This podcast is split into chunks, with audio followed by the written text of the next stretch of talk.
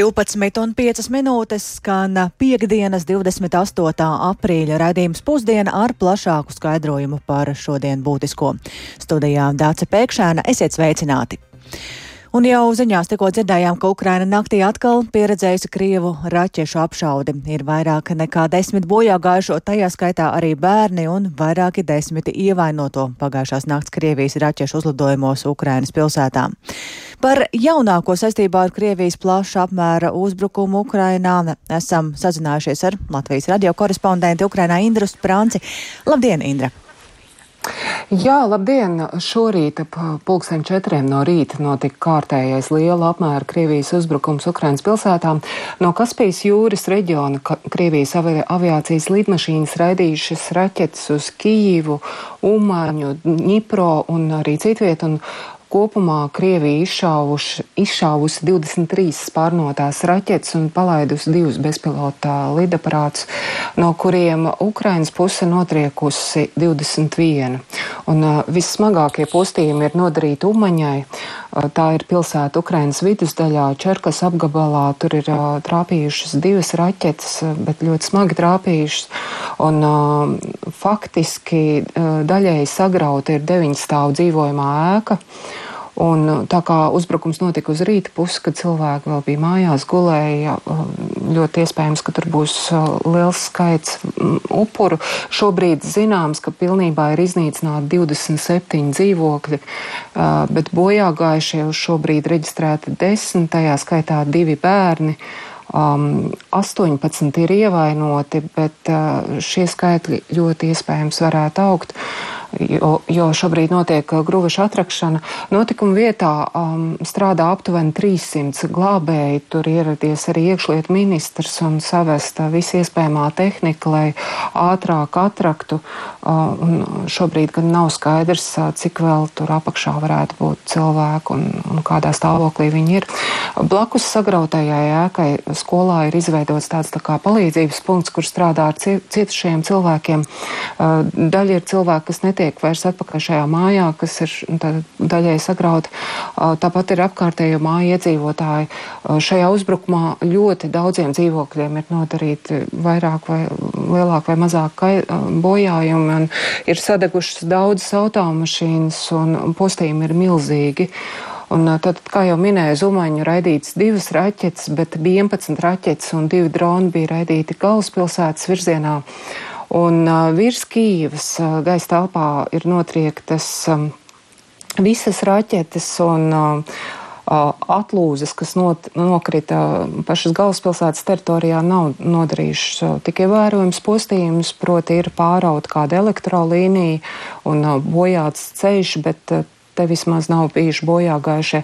Savukārt eh, Kīivas apgabalā vienā apdzīvotā vietā gan eh, arī raķets atlūzām krītot ir trāpīts arī pa dzīvojamo māju, pa diviem stāviem, eh, un tur ir ievainoti divi cilvēki, tajā skaitā 13 gadus veca meitene. Un vēl vienā citā raķešu uzbrukumā, kas bija mm, privātmāju rajonam Dņipro, tā ir pilsēta Ukrainas centrālajā daļā, Tur uzbrukuma rezultātā arī ir bojā gājušie. Ir bojā gājusi 31 gadu veca sieviete un pāris gadus veca meitenīte, un vēl trīs cilvēki ir ievainoti. Tas šobrīd man tā kā viss būtu. Paldies Indrai Sprancei par šīm traģiskajām, diemžēl, ziņām no Ukrainas par šīs nakts notikumiem, un tātad, kā arī dzirdējām, tad vissmagākie postījumi tātad ir nodarīti Umaņām. Paldies! Tikmēr aizvien turpinās Ukrainas gatavošanās pretuzbrukumam. Kad tas būs, to esot grūti pateikt. Turklāt laikapstākļi šobrīd vēl traucējot iesaistīt smago tehniku, bet pretuzbrukumam gatavojas arī Krievija. Tā šorīt raidījumā labrīt kolēģei Dairai Zīlei sacīja Nacionālo bruņoto spēku pārstāvis majors Jānis Slaidiņš, norādot, ka jo mazāk tai būs informācijas par plānoto pretuzbrukumu, jo veiksmīgāks tas būs. Vienlaikus nevar teikt, ka frontē situācija stāv uz vietas, jo Krievija Bahmutā ir izveidojusi kauju smagumu punktu, kur arī ir vērojama lielākā virzība uz priekšu, un kontrolē ir pārņemti 85% pilsētas. Paklausīsimies slēdiņu teikto. Krievija turpina uzbrukt Bahmutas, Maringas, Avģievkas telpā. Tieši pēdējās nedēļas laikā Krievijas spēki ir guvuši vislielāko virzību uz priekšu. Galvenā cīņas notiek Ukrainai, lai nosargātu auss apgādes un rokādas ceļus. Un turklāt Krievija sāk pastiprināt taisnu Donbasa grupējumu no citiem frontes iecirkņiem. Noteikti gaidāms, ka iestājoties vēl labvēlīgākiem laika apstākļiem, kauja intensitāte tikai pieaugs. Krievi arī gatavojas šim iespējamam Ukraiņu pretuzbrukumam. Cik spējīgi viņi šobrīd ir uzbrukt, vai viņi spēj drīzāk aizsargāties? Ir sektori, kur Krievijas spēki pāriet aizsardzībā, Dienvidu, Helsinas, Zaporižas sektors ar galveno uzdevumu, protams, nosargāt pieejas Krimai, kas Krieviem ir vitāli svarīgas. To Krievi uzskata par bīstamāko iespējamo Ukraiņas bruņoto spēku pretuzbrukumu virzienu. Pēdējos mēnešus Krievija ir izveidojusi pietiekami nopietnas nocietinājumu līnijas, lai sarežģītu Ukraiņas spēkiem jebkādu virzību uz priekšu. Kā jūs vērtējat, kādas ir Ukraiņu spējas doties pretuzbrukumā? Pirmkārt, jau tas ir vesels pasākumu komplekss, ir sagatavošanās darbi. Redzam, ka Ukraiņu vienības jau ir aktivizējušās frontes dienvidos, Zaporižas, Helsonas apgabalos. Turklāt jāņem vērā, ka uzbrukums nevar būt tikai vienā virzienā. Šiem virzieniem jābūt vairākiem. Viens būs galvenais, vairāki būs noteikti atbalstošie. Kur tas būs, to ir grūti pateikt. Bet svarīgi, protams, ir laika apstākļi. Šobrīd vēl laika apstākļi tādi, kas liedz iesaistīt smago kaujas tehniku, viņu izvērst. Pēc pēdējām nedēļas lielajiem lietiem, kas bija Ukrainā, zeme joprojām ir izmirkusi un lietojami ir tikai cietā seguma ceļi. Cik šāds pretuzbrukums var būt efektīvs, un vai ir kādi arī iespējami negaidīti pavērsieni? Uzbrukuma operācija attīstību, protams, paredzēt nevar. Jā, jo arī, protams, Krievi zina, ka Ukraiņas spēki iespējams uzbruks un viņi dara visu, lai apturētu šo uzbrukumu. Bet tas potenciāls ir atkarot okupētās teritorijas. Potenciālam jābūt. Nu, uz šo uzbrukumu, protams, tiek liktas ļoti liels uzsvars, jo jāņem vērā, ka viņš nedrīkst izgāzties. Tas būs milzīgs trieciens Ukrainai psiholoģiski un ne tikai Ukrainai, bet arī NATO visam, kuri visus šos mēnešus apmācījusi Ukraiņas karavīrus, apgādājusi. Es domāju, ka viņš būs ļoti labi sagatavots ar precīzu informāciju par Krievijas spēku vājajām vietām. Uzbrukums būs izplānots līdz pēdējai iespējai, ka Krievi nespēs noturēt savas pozīcijas. Bet cik viņš būs plašs, to nu, tiešām grūti pateikt. To zina tikai Ukraiņu ģenerālštāps. Tā NBS pārstāvis Majors Jānis Slaidiņš.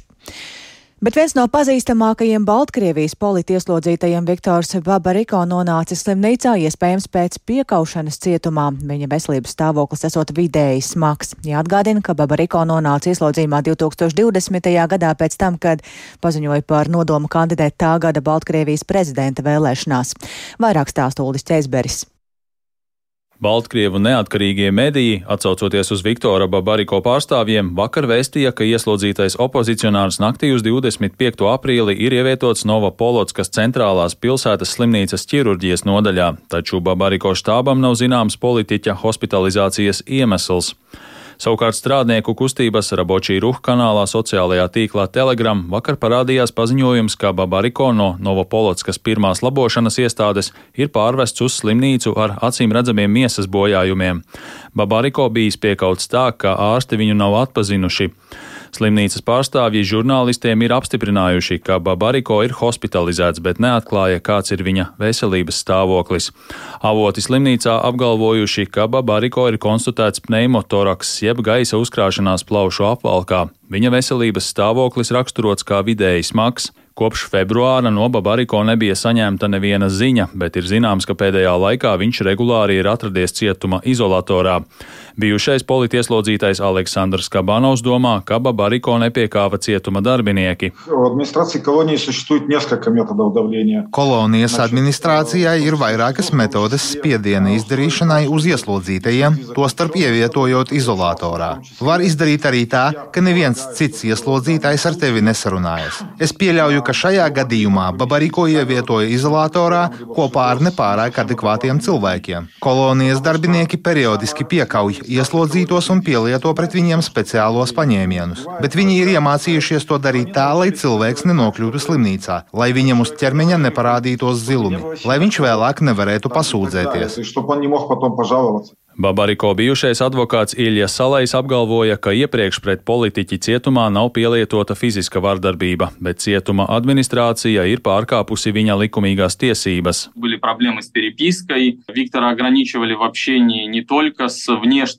Bija problēmas ar sarakstīšanos. Viktoru norobežoja ne tikai no ārpasaules radiniekiem un advokātiem, bet arī no citiem ieslodzītajiem. Pienāca informācija par to, ka viņu norīkoja darīt diezgan smagus darbus, bet par kaut kādu kādām fiziskām darbībām pret Viktoru Babariko līdz šim nebija zināms. Eiropas Savienības ārlietu dienests vakar vakarā izplatīja paziņojumu, kurā paustas bažas par Babariko hospitalizāciju un iespējamo piekaušanu. Dienests aicināja Baltkrievijas varas iestādes nodrošināt Babariko atbilstošo ārsteišanu, kā arī nodrošināt viņam pieeju advokātam un ģimenei. 59 gadus vecais Babariko ieslodzījumā atrodas kopš 2020. gada jūnija. Neilgi pirms tam viņš paziņoja par savu nodomu kandidēt prezidenta vēlēšanās un tika uzskatīts par galveno Baltkrievijas ilgadējā vadītāja Aleksandra Lukašenko sāncensi.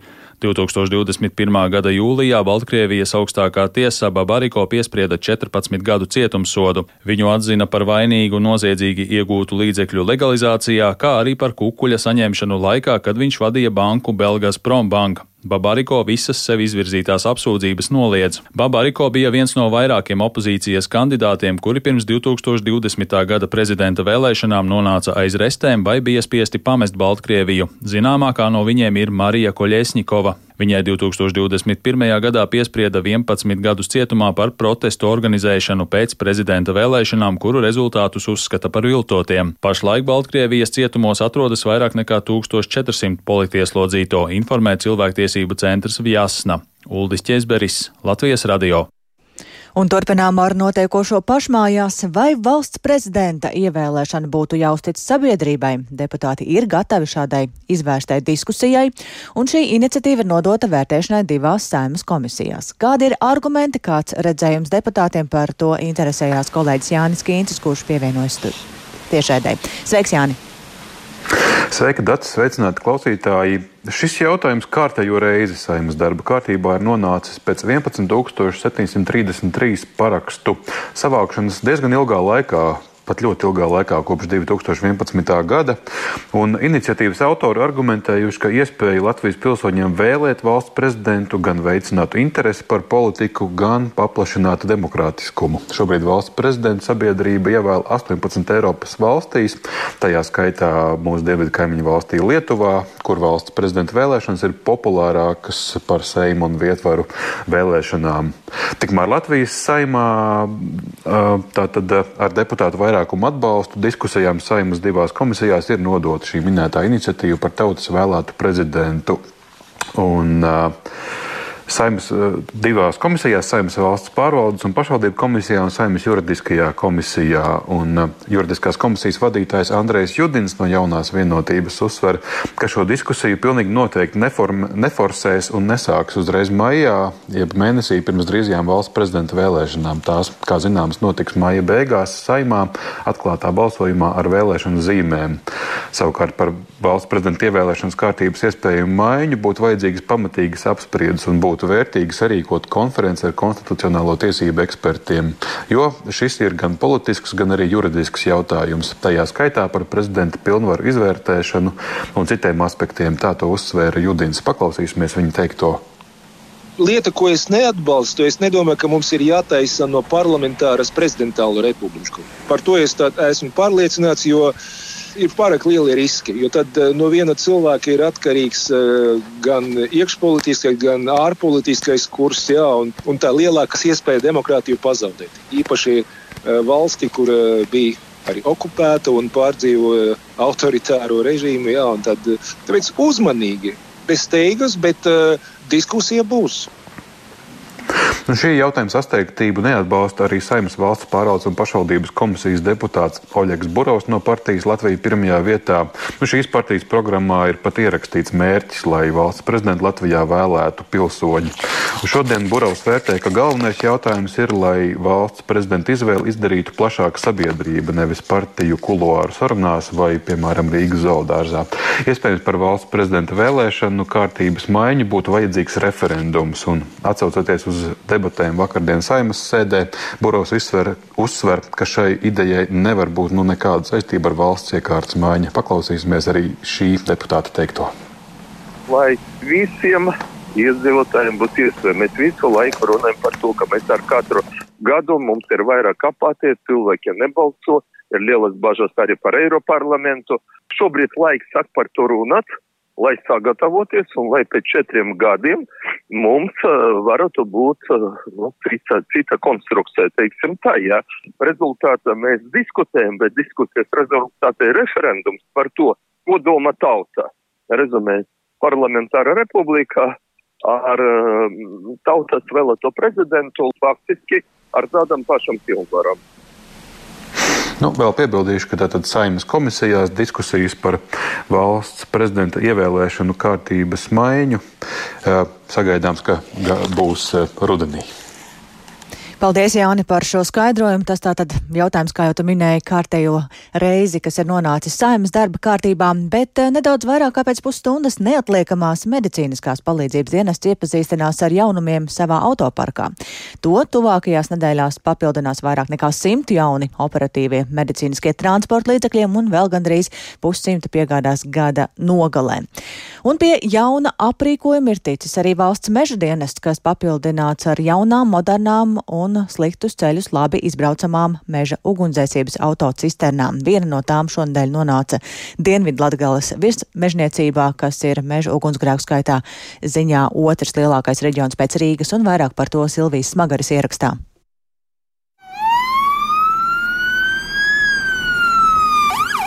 Volvo FMX6 X6 ir specializētā meža ugunsdzēsības autocisterna, kas šonadēļ svinīgi iedegtiem bāka guņiem un skanot sirēnām iebrauca meža ugunsdzēsības stacijā Križos un tika nodota Dienvidlatgales virsmežniecības rīcībā. Šī pēc Jālgavas ir jau otrā no piecām jaunajām specializētajām meža ugunsdzēsības autocisternām, kas nonāk Latvijas reģionos.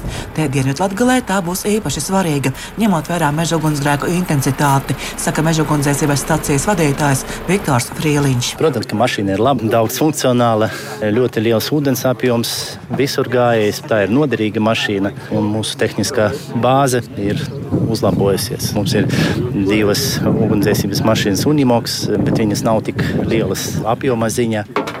Viena specializēta automašīna izmaksā vairāk nekā 250 tūkstošus eiro. Autocisterna dienestam piegādā Sijā Valvo Treks Latvija sadarbībā ar Sija Unimotors Latvija. Jaudīgie zemspiedienu ugunsdzēsības sūkņi cisterna spēj uzpildīt 5 līdz 6 minūtēs. Stāsta Unimotors Latvija pārstāvis Gatis Smiltiņš. Tātad mašīnā ir 10 kubu ūdens muca, 10 kubikmetri. Tas nozīmē, var pievest lielu daudzumu ūdens īsā laikā, vai nu iepumpēt baseinā, vai padot uz citām mašīnām mašīnām vai pat taisnot dzēst ugunsgrēku. Principā lielākais iegūms būs tieši tas, ka viņi var atvest vienā piegājienā tikpat, cik 3-4 citas ugunsdzēsēju mašīnas.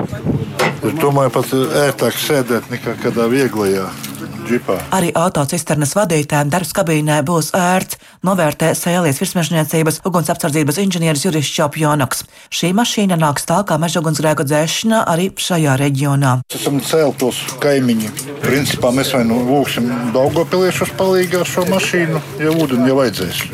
Un viena mašīna vēl būs tesvainē. Sēlijā šogad vēl nav reģistrēts neviens meža ugunsgrēks. Dienvidlatgalē gan tie jau ap desmit, un sezona vēl priekšā pēc pieredzes atzīst šo tirsniecība vadītājs Vilmārs Skotelis. Mums ļoti izpalīdz, ja ir kāds lielāks ugunsgrēks. Zemnieki, dažādas firmas, kuriem ir tehnika, arī ūdens vešanai, cisternas. Bet, kā zināms, tie lielie ugunsgrēki, kad tā ūdens mums ir vajadzīgs, ir tieši tā vasaras otrā puse, un tie zemnieki visi ir aizņemti savos lauku darbos, tad viņiem tā kā ir problemātiski mums palīdzēt. Mums ļoti labi, ka mums pašiem tagad būs šī tehnika. Protams, tā būs uz visu reģionu. Un jāsaka, ka tehnika ir iegādāta, viņai vajadzētu strādāt, bet mēs priecāsimies, ka viņu vajadzēs izmantot pēc iespējas mazāk. Tomēr gataviem jābūt uz visu, un dienestam jābūt labi aprīkotam, uzsver valsts meža dienesta meža un vidas aizsardzības daļas vadītāja vietnieks Zigmunds Jončiķis. Gadi ir dažādi. Salīdzinoši pagājušais gads bija ļoti mierīgs. Mums kopumā tika reģistrēti 391 meža ugunsgrēks ar izdegušo meža zemes platību 221 hektārus. Nu, tas ir salīdzinoši mazs. Uz doto brīdi mums ir reģistrēts 41 meža ugunsgrēks ar izdegušo platību 18 hektāri. Dienvidu Latvijā nemainīgi gada no gada ir otra degošākā mūsu struktūra vienība virsmežniecība aiz Rīgas reģionālās virsmežniecības. Tieši dēļ pilsētas, dēļ piepilsētu mežiem, liels iedzīvotāju pieplūdums vasarā sezonas laikā, un līdz ar to arī augsta ir šī degamība. Jau drīzumā šādas autocisternas nonāks Ādažos, Cēsvainē un Ventspilī. Laiks izvēlēts optimāli, jo ar māju ik gadu Latvijā sākas meža ugunsnedrošais laika posms, kad sākas dežūras un novērošana no torņiem. Un valsts meža dienas uz šo periodu pieņem darbā papildus ap 350 jaunus darbiniekus, un jaunā mašīna būs tiem liels palīgs. Silvijas Smagre, Latvijas Rādio studijā Latvijā. Un vēl no 1. maija stāsies spēkā grozījumi elektronisko plašsaziņas līdzekļu likumā, kas uzliek par pienākumu nodrošināt valsts valodas skaņas celiņu, izplatot televīzijas programmu, kurai šis valodas celiņš nav kādā no Eiropas Savienības dalībvalsts vai Eiropas ekonomiskās zonas valstu oficiālajām valodām. Ko praktiski nozīmē šīs izmaiņas, to ir gatava izstāstīt kolēģis Kirmante Baļķūte. Sveiks, Kirmante! Jā, labdien! Nu, sākumā pieteikšu, ka likuma grozījumi tika pieņemti ar mērķi stiprināt Latvijas piedarību Rietuma Eiropas kultūra telpai, kā arī aizsargāt nacionālās drošības intereses. Grozījumi skar gan TV programmu satura ražotājus, to īpašniekus, gan šāda satura piegādātājus un izplatītājus. Prasības paredz, ka ar 1. maiju, ja netiek nodrošināts valodas celiņš valsts valodā, programmu piegādātāji drīkst izplatīt tikai ar skaņas ceļiņu kādā no Eiropas Savienības Savienības oficiālajām valodām. Ņemot vērā to, ka kanāla satura tulkošanas un ieskaņošanas izmaksas ir ļoti augstas, daļa kanālu neplāno nodrošināt tulkojumu latviešu valodā, līdz ar to būs spiesti atslēgt arī krievu valodas celiņu. Tā rezultātā ievērojama daļa kanālu paliks tikai ar oriģinālu valodas audio celiņu, pamatā angļu, kā arī vācu, franču un citās valodās. Tas skars arī tādus starptautiski atzītos populārus zinātniskos kanālus, kā piemēram National Geographic Channel, History Channel, Fox. Lūk, kā situāciju komentē mediju eksperte RSU doktorante Gunta Līdeka. Protams, ka šīs lēmums īpaši Krievijas auditorijai, arī Latviešu auditorijai, tā skaitā samazinās iespēju skatīties dažādas ārvalstu pārraidus un kanālus. Mēs lēšam, ka tas auditorijas apjoms varētu būt no 25 līdz 30 procenti. Protams, ka tas mazina satura daudzveidību Latvijas mēdīju telpā. Tas veicinās pirātismu apjomu palielināšanos Latvijas mēdīju vidē, kas sarežģīs arī iespēju sasniegt auditorijas. Līdz ar to es domāju, ka šis lēmums nav pietiekami pārdomāts un izsvērts, izanalizēts ar industriju, jo mm, mēs zinām, ka Patiesībā lielāko daļu šis lēmums skars gados vecāku auditoriju, kura nespēs pārorientēties ne uz angļu, ne citām Eiropas Savienības valodām. Jā, un es saprotu, ka šis lēmums tika pieņemts nesaskaņot viņu ar. Šis industriju. lēmums tika pieņemts ļoti ātri, diezgan lielā slepenībā, balstoties uz drošības apsvērumiem. Kaut gan mēs zinām, ka šis lēmums neskar Krievijas kanālus vai Krievijas Kremļa saturu. Šis lēmums skar pamatā rietumu valstu programmas, izzinošas, izglītojošas, izklaidējošas. Tie ir angļu, amerikāņu kanāli, kuriem nav nekāda sakara ar Krievijas ideoloģiju. Paši kabeltelevīzijas operatori lēš, ka daļa TV kanālu tiks papildināta ar iespēju tos vērot audio latviešu valodā, kā arī papildu oriģinālu valodai būs pieejami subtitri latviešu valodā. Lēmumu, kādā valodā raidīt vai nodrošināt tulkojumu latviešu valodā, pieņem kanāla īpašnieki, nevis izplatītāji kolēģi. Paldies par šo skaidrojumu. Tātad grozījuma likumā stāsies spēkā jau pavisam drīz no 1. maija. Un ar to izskan raidījums pusdiena. Tā producente Ilze Agīnta ierakstus montēja Kaspars Groskops par labskaņu rūpējās Īveta Zvēniece un ar jums sarunājās Dāce Pēkšēna. Mūsu ziņas un raidījumi arī raidierakstu platformās, mūsu Latvijas radio mobilajā lietotnē un Mūsu ziņas meklējiet arī sabiedrisko mediju ziņu portālā LSM LV un sociālajos tīklos. Yeah.